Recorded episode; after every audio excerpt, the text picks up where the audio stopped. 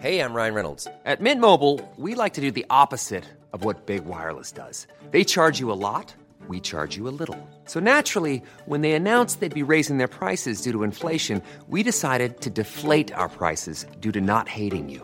That's right. We're cutting the price of Mint Unlimited from $30 a month to just $15 a month. Give it a try at mintmobile.com slash switch. $45 upfront for three months plus taxes and fees. Promo rate for new customers for limited time. Unlimited more than 40 gigabytes per month. Slows. Full terms at mintmobile.com. Many of us have those stubborn pounds that seem impossible to lose, no matter how good we eat or how hard we work out. My solution is PlushCare. PlushCare is a leading telehealth provider with doctors who are there for you day and night to partner with you in your weight loss journey. They can prescribe FDA-approved weight loss medications like Wagovi and Zepbound for those who qualify. Plus, they accept most insurance plans. To get started, visit plushcare.com slash weight loss. That's plushcare.com slash weight loss. Hei!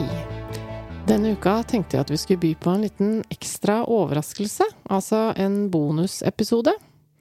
For i forrige uke så ledet jeg, altså Eva, en debatt eller en samtale på analyse- og rådgivningsselskapet Kantar sin konferanse Medietrender 2022 på Sentralen i Oslo. Den het Historiene om Afghanistan, PR versus journalistikk. Så da kan du dykke enda dypere ned i debatten om eh, hvorvidt historiene fra Afghanistan er nyansert fortalt i Norge. God fornøyelse!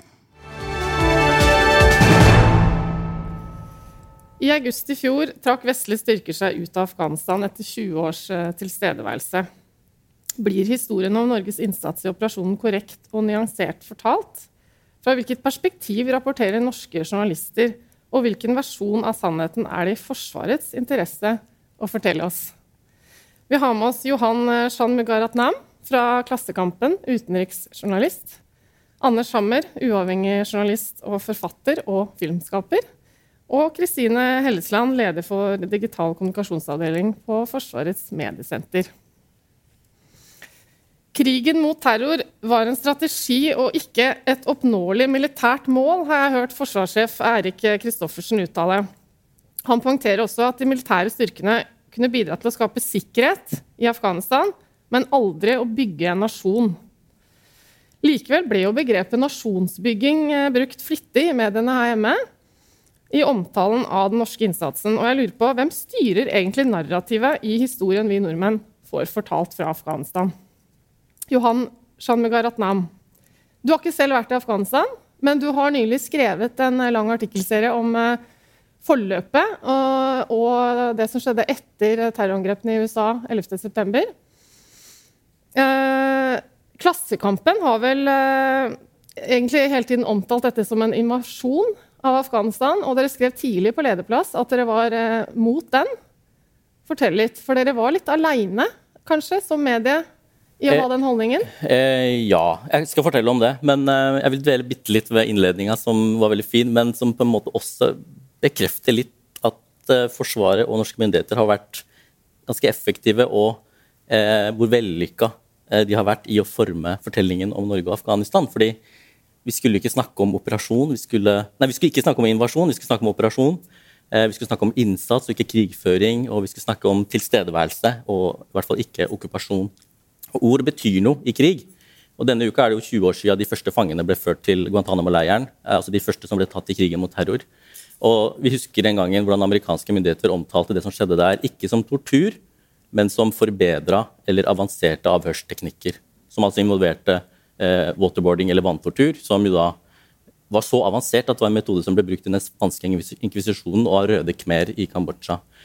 Eh, tilbake til Klassekampen og Afghanistan. Vi var imot den krigen, og det var vi vel forholdsvis alene om.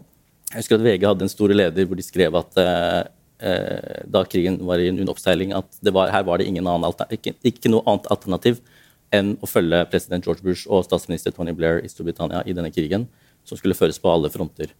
Um, og Grunnen til at Forsvaret og den norske regjeringa klarte å forme den fortellinga så effektivt som de gjorde, handler selvfølgelig om at de var veldig flinke. Men det handler vel også om at mediene ikke eh, gjorde det vi burde ha gjort, kanskje. Eh, og en del av det vi ikke gjorde, men som Anders eh, etter hvert eh, gjorde, selvfølgelig, som vi skal sikkert høre om, var jo å snakke med de afghanerne som ikke støtta det vestlige prosjektet og det vi var med på. Vi fikk høre veldig mye om afghanere som på en eller annen måte fikk det bedre med den eh, vestlige tilstedeværelsen. Eh, men vi fikk ikke høre så mye om de som eh, ikke tjente på det, og til slutt de som faktisk begynte å bekjempe det militært, som mm. Taliban gjorde. og da tror jeg vi har mista en veldig viktig del av, av bildet. da. og dermed også mista litt en god, viktig del av forklaringa på hvorfor det gikk som det gikk. At vi ble nærmest fortalt at vi skulle være der for å, å bare bygge jenteskoler og grave brønner, som faktisk skjedde, og som var viktige framskritt. Eh, og bekjempe terror, som faktisk også eh, skjedde. Men ikke at vi i praksis ble involvert i en eh, borgerkrig som var veldig intrikat, hvor vi sto på eh, en av sidene, eh, og endte opp med å bekjempe et opprør som Taliban leda, mot utenlandske styrker. Eh, vi fikk høre at liksom, Taliban var fundamentalistiske, det er de, eh, og at de hata de vantro. Eh, det gjorde de jo, men de var jo først og fremst opptatt av å få ut utenlandske styrker. Og det var vel slik de også klarte å mobilisere flere enn de som var de mest ytterliggående. Så her har jo mediene en mulighet og en rolle til å fortelle historier fra ulike perspektiver, så det skal vi komme tilbake til. Anders Hammer, du har jo faktisk bodd i Afghanistan fra 2007 til 2013. Og etter det så har du vært eh, flere ganger nede på reportasje- og dokumentarreiser.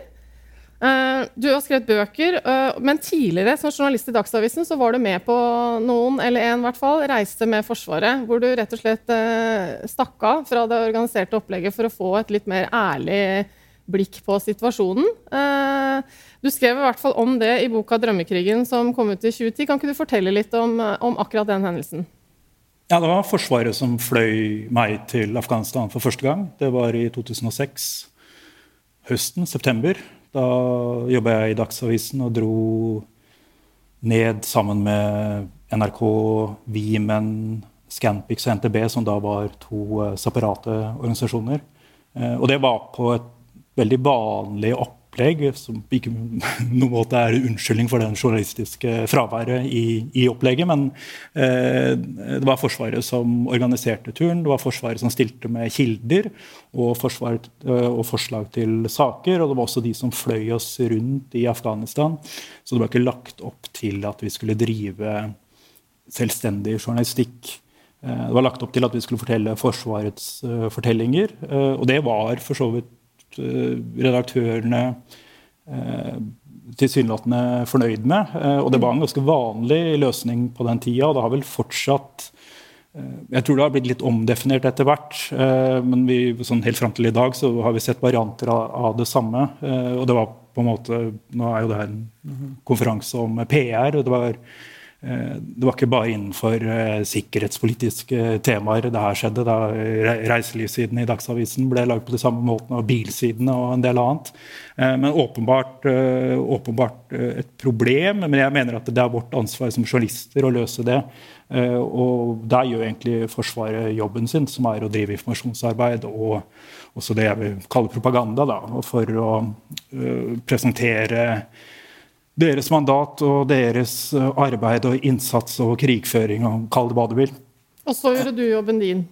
Ja, jeg, jeg begynte. Eh, ja. og, og, fikk jo da hele ideen til å flytte til Afghanistan. For jeg syns mm. det var så givende det jeg gjorde i Kabul. Som egentlig var bare å susse rundt i gatene noen dager og snakke med eh, vanlige folk, som man sier nå om dagen. Men eh, det, det funka bra, det. Og jeg fikk vel jeg, jeg, det, var ikke, var ikke, veldig gode de artiklene jeg kom hjem med fra den turen, men jeg fikk en del ideer til hvordan jeg kunne jobbe i Afghanistan framover. Så jeg flytta dit sommeren etter, juni 2007 og ble da boende i Afghanistan. Jeg hadde et sånt fire måneders eh, perspektiv i utgangspunktet, men ble boende der i seks år. Eh, og I den perioden så jobba jeg for veldig mange norske medier, i begynnelsen som eh, frilansjournalist. Men jeg ikke vridde arbeidet I hvert fall det jeg levde av, var å lage dokumentarer. da. Og, Komme tettere på? Ja, og det, og det, var også begrensningene i nyhetsjournalistikken. At det føles veldig repeterende å jobbe i ja. konflikt. Og det var også en veldig liten del av det som skjedde i Afghanistan, som redaktørene her hjemme var interessert i. Jeg tror jeg skriver i den drømmekrigen at 80% av gangene jeg ble kontakta av redaktørene, så gjaldt det norske soldater. Og det var ikke noe tvil om at det var det man var opptatt av her hjemme. Ja. Jeg skal tydeliggjøre at dette ikke er dine bilder, Anders. Dette er faktisk eh, bilder vi mm. ser nå fra, fra Forsvaret. Så det er deres eh, materiale. Uh, du kan jo si hva du vil om hvorvidt det er PR eller propaganda, men dette er i hvert fall ikke dine bilder. Kristine uh, Helseland, du leder da en kommunikasjonsavdeling på Forsvarets mediesenter.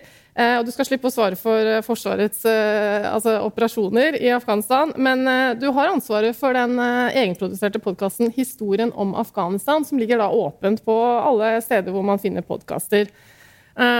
Og mm, de bruker jo alle de kjente journalistiske fortellergrepene i denne podkasten. Vi skal høre et klipp nå fra en av episodene der en av de norske soldatene døde. Inni vogna så er det konstant eh, støy, og så er det vibrasjoner eh, når vi kjører etter belteverket. Det er sambandstrafikk på øret. Det er støv som virvles opp, legger seg eh, i hele ansiktet. og du kjenner det, det knaser litt sånn i tenna. Stian Mo og resten av avdelingen var på et vanlig oppdrag. Det er varmt inne i stormpanservogna, der han sitter sammen med de to andre. Så skjer det. De blir angrepet. Nei, jeg kjente ikke på hat. Overhodet ikke. Fordi at uh, det der det kom inn profesjonen min da, som uh, en del av Telemark-bataljonen, som en del av Hæren i dag, og Forsvaret som helhet, har jeg valgt en jobb. Jeg har helt frivillig valgt det yrket her. Og jeg har også eh, sagt meg frivillig til å å løse oppdrag utafor Norge, selv om det er fredstid hjemme i Norge. Fienden hadde en god dag på jobben, og vi hadde en dårlig dag på jobben. Som soldat er det en del av jobben din å forholde seg til at du selv eller kollegaene dine i ytterste konsekvens kan miste livet. Å miste en kollega, som også er en sønn eller datter, en venn, er det verste som kan skje. I løpet av perioden i Afghanistan ble ti norske soldater drept. I denne episoden skal vi høre historien om dagen da én av våre soldater mistet livet, og om kontrasten mellom det som skjedde i striden i Afghanistan, og om ordskiftet hjemme i Norge. Kristine, hvorfor lagde dere denne podkasten? Eh, vi lagde denne podkasten fordi vi hadde lyst til å fortelle om det oppdraget norske styrker fikk eh, for 20 år siden og om hvordan eh, det norske forsvaret har løst dette i løpet av eh, de 20 årene. Og så ønsket vi å fortelle historien primært gjennom stemmene til enkeltsoldater. Så det er, en, det er, en, serie som tar for seg hendelsene som startet krigen, og så er det en beretning om, om hvordan dette oppdraget var med på å forme, utvikle og endre måte, den norske organisasjonsformen til det forsvaret vi kjenner i dag. Um, den, er, liksom, den, er, den, er, basert på et narrativ og en ekstern ekspert uh, som på en måte legger en tidslinje for de 20 årene.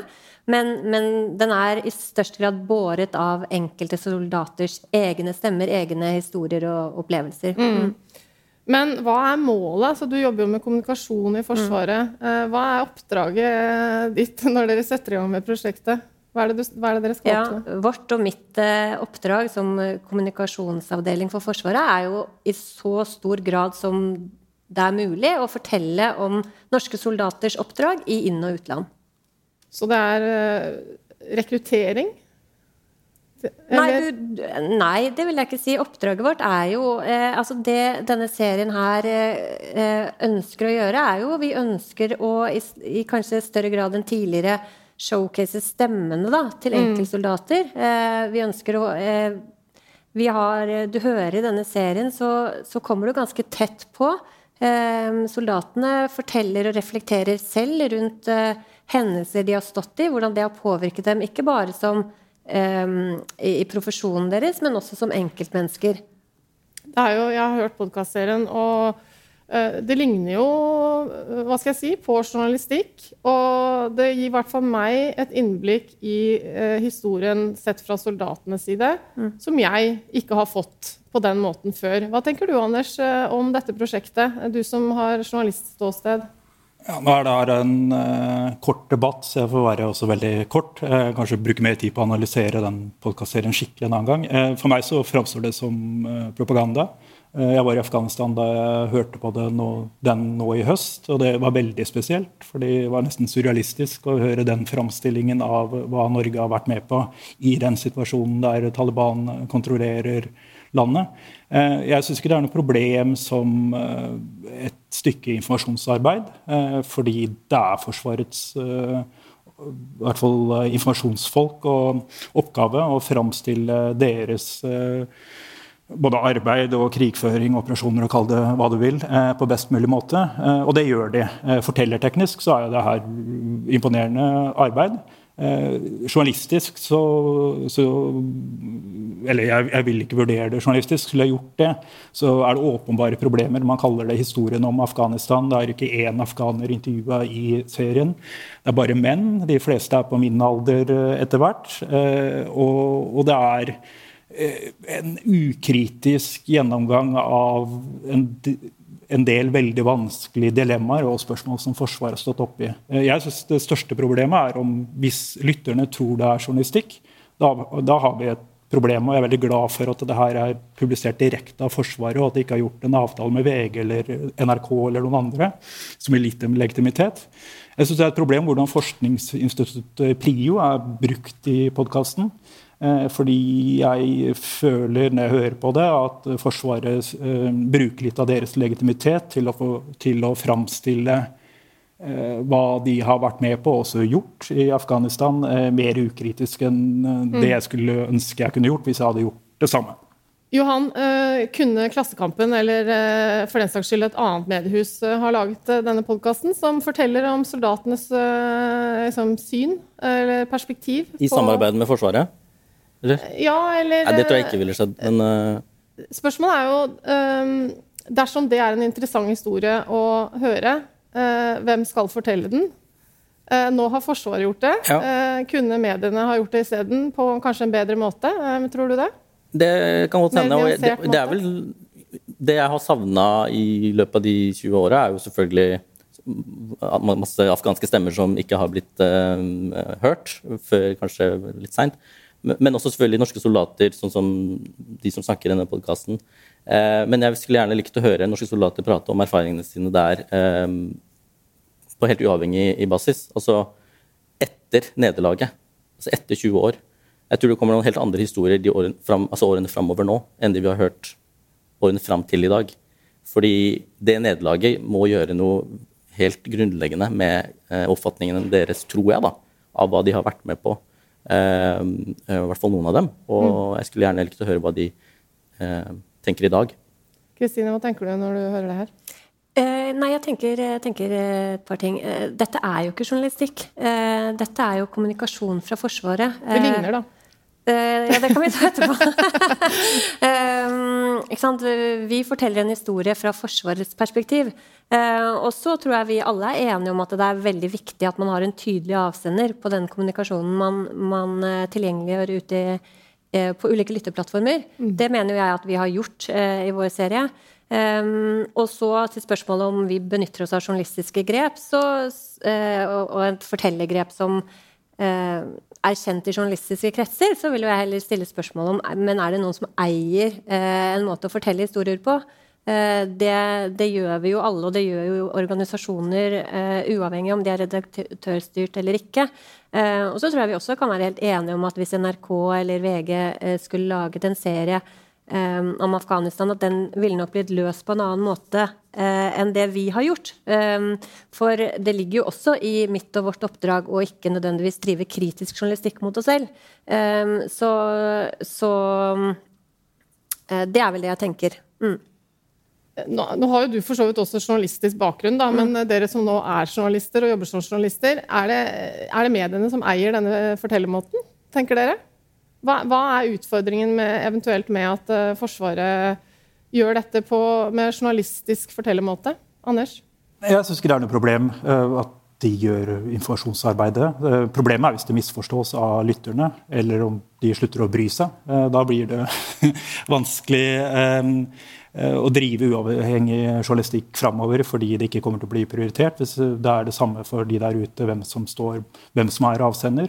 Eh, jeg synes Det største problemet med Forsvaret som jeg opplevde i Afghanistan, var at de var veldig flinke til å tilrettelegge hvis det var de hadde en følelse av at de jobba med saker som de hadde interesse av å få ut.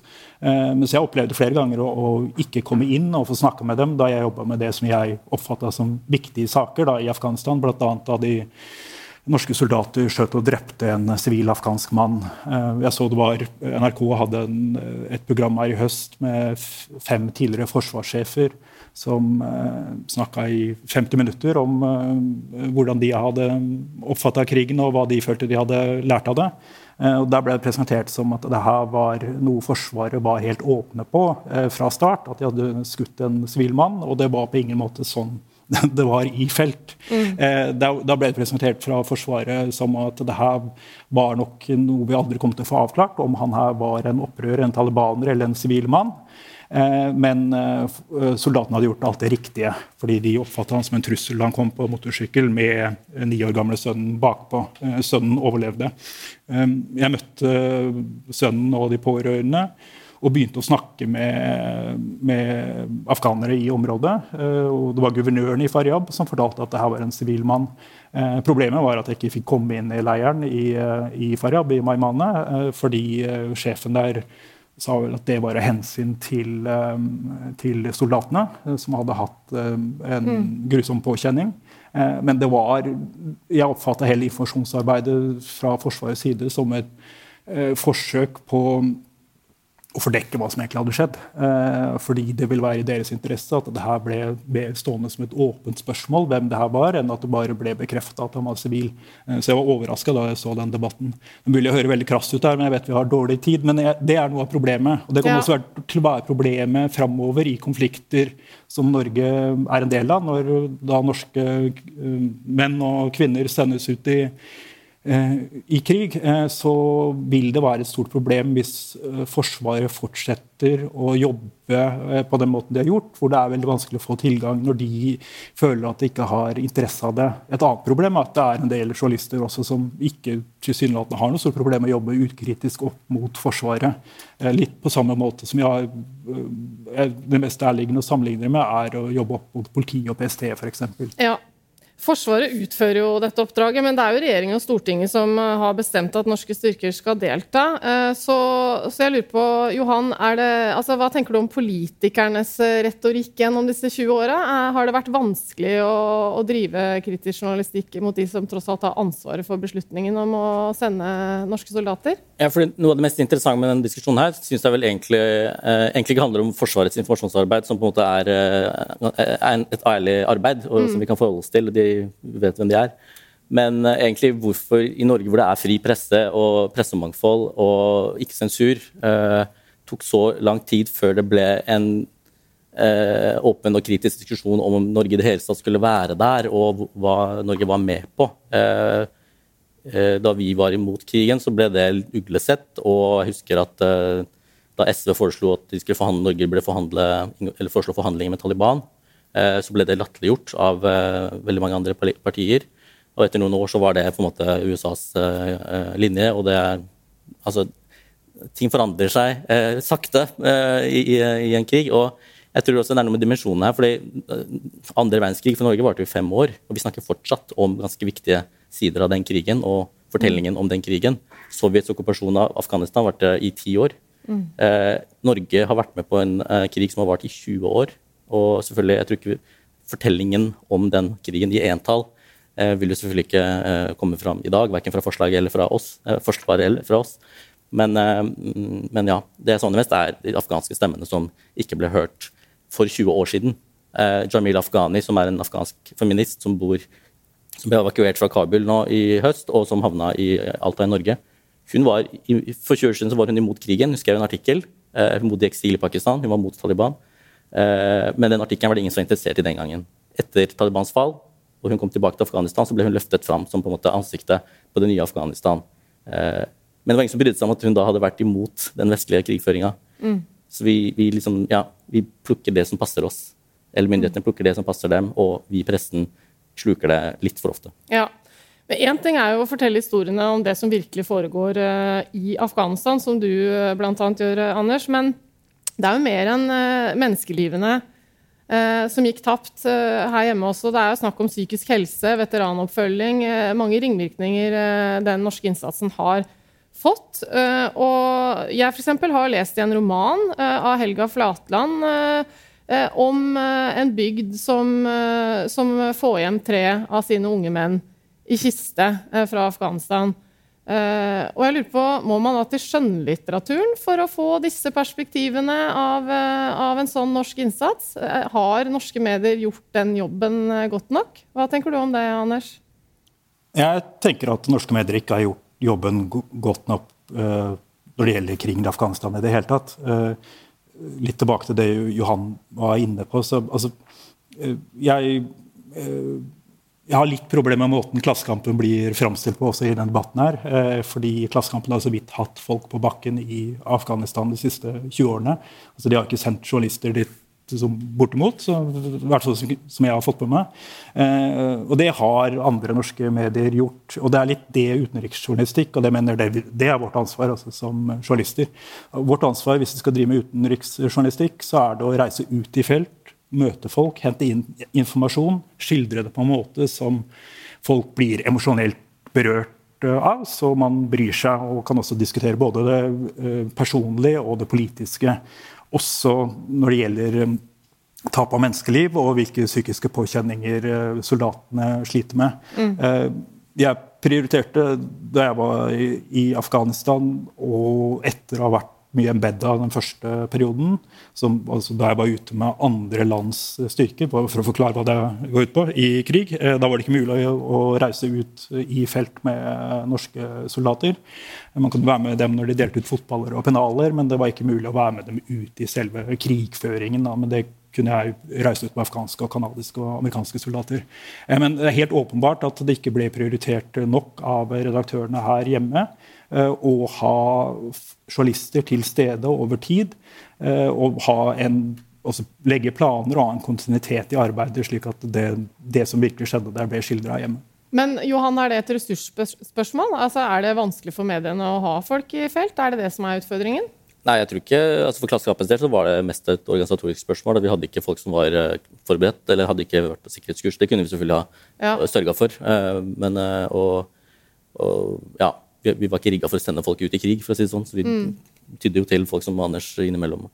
Men, uh, men, jeg tror vel ikke det først og fremst at for de store mediene at det er et ressursspørsmål, med tanke på hvor mye ressurser de bruker på for mange andre ting. Nei, nei, nei for vi, Hvis vi snakker om disse ringvirkningene i Norge da, av vår norske innsats, uh, så trenger man ikke å reise til Afghanistan for å dekke det. Altså, det er historier som kan fortelles uh, av mediene nå. Men man sitter kanskje med et inntrykk av at det er en del perspektiver som ikke da dekkes av av mediene godt nok. Og det kan jo hende at jeg tar feil i det, men, eh, men i så fall så er det en del andre eh, institusjoner med budsjetter som tar den jobben, da. Eh, og da lurer jeg litt på, Kristine, fordi eh, jeg må innrømme at jeg syns podkastserien til Forsvaret er interessant. Det er god historiefortelling osv. Men det tok litt tid før jeg skjønte at Forsvaret var avsender. Fordi at den ligger, eh, den ligger, eh, ute, der hvor alle andre podkaster ligger. Eh, og det står riktignok Forsvarets logo på, på det, det podkastbildet, men det tar litt tid før man oppdager det. Og det er helt ærlig at det er en fortellerstemme som jobber i Forsvaret, men det er allikevel ikke supertydelig. Mm. Hva, hva er tanken bak det? Det er ingen tanke. Vi, eh, vi, har jo Det er jo kjempeviktig, mener vi, eh, at folk forstår at det er Forsvaret som, eh, som kommer med denne historien, og som bærer den og forteller den. Så, så vi, at, at, det skal være, komme tydelig frem at det er Forsvaret, det er vi like enig i. Så, og så tenker jeg at det kommer ganske godt fram. Ehm, men eh, ja, det er jo helt eh, avgjørende, tenker jeg, at man forstår det. Mm. Men hvis NRK eller mm. Skipsted hadde ringt eh, Forsvaret og sagt at dette syns vi er så bra at vi mm. gjerne vil ha denne mm. produksjonen og sette vår logo på, så slipper vi å gjøre jobben, hadde det vært OK, syns du? Du har jo journalistbakgrunn. Jeg ville jo tenkt at jeg tror ikke det spørsmålet ville kommet. Eh, det er vel kanskje det jeg tenker. Mm, og håper. Mm. Hva, hva, ville da eh, måtte gjøres med den podkastserien eh, for at den skulle være et eh, hva skal jeg si, kildekritisk eh, journalistisk eh, produkt, Johan? ja. Nei, jeg vet ikke. Um, er det å stille, de, altså stille det soldatene forteller Eh, altså stille det, det, i tvil? Er det å spørre noen andre? Hva er det som gjør at det er godt nok journalistisk arbeid? Anders?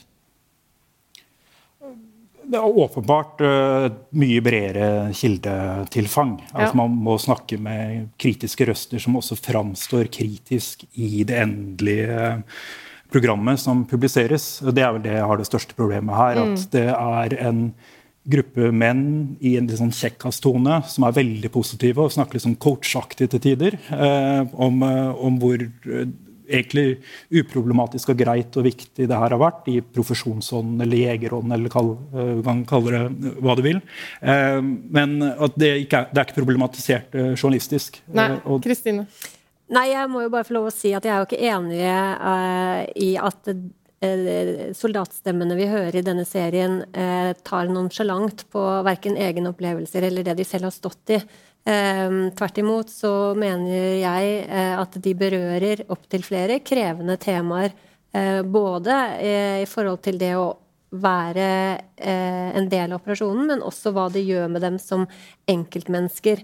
og det er jo også noen stemmer som reflekterer rundt nettopp på en måte det å være i tjeneste i Afghanistan, mens man her hjemme snakket om at man ikke var i krig. Så jeg er ikke helt enig i at at det er på en måte eh, kjekka stemmer man hører. Mm. Altså, dette handler jo om hvilket narrativ vi blir eh, presentert. Eh, og det er tross alt politikere gjennom flere regjeringer eh, gjennom 20 år, og forsvarssjefer også, selvfølgelig, eh, som, eh, som, har ansvaret for den beslutningen om å sende våre norske styrker ned. Men hvem er det som Har dette vært eh, altså et PR-arbeid fra start til slutt? Ha, har vi blitt manipulert av politikerne gjennom mediene? Mener dere det? Johan? At det har vært et PR-arbeid, er det definitivt, men eh, Hvordan har det vært eh, opplevd fra medienes side? Nei, litt det jeg var inne på innledningsvis. altså Det er hvilke ord man bruker. Eh, og det er en måte, hvordan man forskjønner sider ved en, en, virkelighet, eller en krig, da, som det, i dette tilfellet.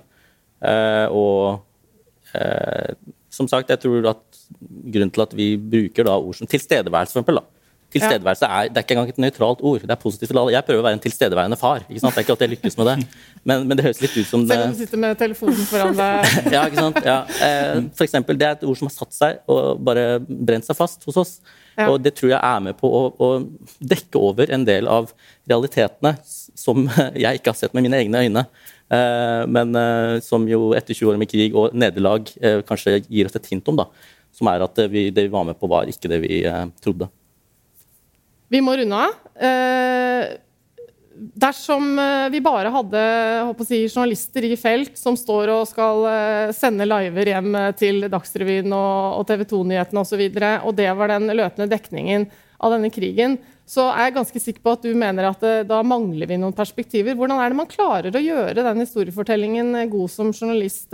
Kan du si noen, noe kort om det, Anders, du som har trossa eh, det at alle andre journalister måtte reise ut 15.8 eh, og, og, og, dratt inn eh, på eget ansvar da. Hvordan, hvordan sørger man for eh, at et, en annen historie blir fortalt? Ved å snakke med igjen da, et bredt uh, utvalg av kilder som er i felt. Altså, du må ut og treffe folk i felt hvis du skal drive med journalistikk i utlandet. Uh, og, og, det jeg, jeg syns ikke det er så komplisert. Det kan prioriteres. Det er kanskje litt farlig, eller? Til tider så er det farlig. Ja. Eh, men jeg mener at, det, at, vi også skal ta en risiko da, som journalister. Jeg syns det er umoralsk ja, å, å, bare fokusere på egen sikkerhet når jeg skal ut og jobbe. Jeg mener at jeg må også være villig til å ta en viss risiko når jeg skal reise ut. Hvis ikke så bør jeg bare bli hjemme. Uh, og det er, en, det er, en, lang diskusjon som ikke kommer inn på her. Uh, men oppgaven vår som journalister, og som vi kanskje hadde hatt, brukt mer tid på, da, som jeg synes er viktig, som er inne på slutten her, er at vi skal utfordre det offisielle bildet av hva av norsk politikk. Uh, og når det da dreier seg om sikkerhetspolitikk, så er det også å utfordre ikke minst politikernes presentasjon. Forsvaret har fått kjørt seg litt i denne debatten her. Hadde det vært en politiker her, så, så kunne vi diskutert hvordan de skjønnmalte krigen. Mm. Og, og, også snakket om en mot bedre vitende eh, he, hele tiden. Altså var, vi har i dag Jonas Gahr Støre, Espen Barth Eide i, i regjering. Eh, de var eh, Eh, jeg, jeg synes det var drøyt hvor langt de gikk i å presentere det her som noe helt annet enn det det var, og også som noe helt annet enn det ambassaden i Kabul og også Forsvarets etterretningsfolk rapporterte om hjem fra Afghanistan. Mm. De tegna et mye dystrere bilde enn slik politikerne uttalte seg om det her. Og Da er det vår oppgave å bryte gjennom det og utfordre det og vise det gjennom å fortelle andre historier. Så takk og lov har vi medier som kan stille kritiske spørsmål til eh, politikere og til Forsvaret. Og takk og lov, kanskje, så har vi også andre aktører som kan fortelle oss de historiene som mediene ikke har ressurser eller tid til å dekke. Og så må vi være veldig kritiske til hvem som serverer oss versjonene av sannhetene. Takk for oss.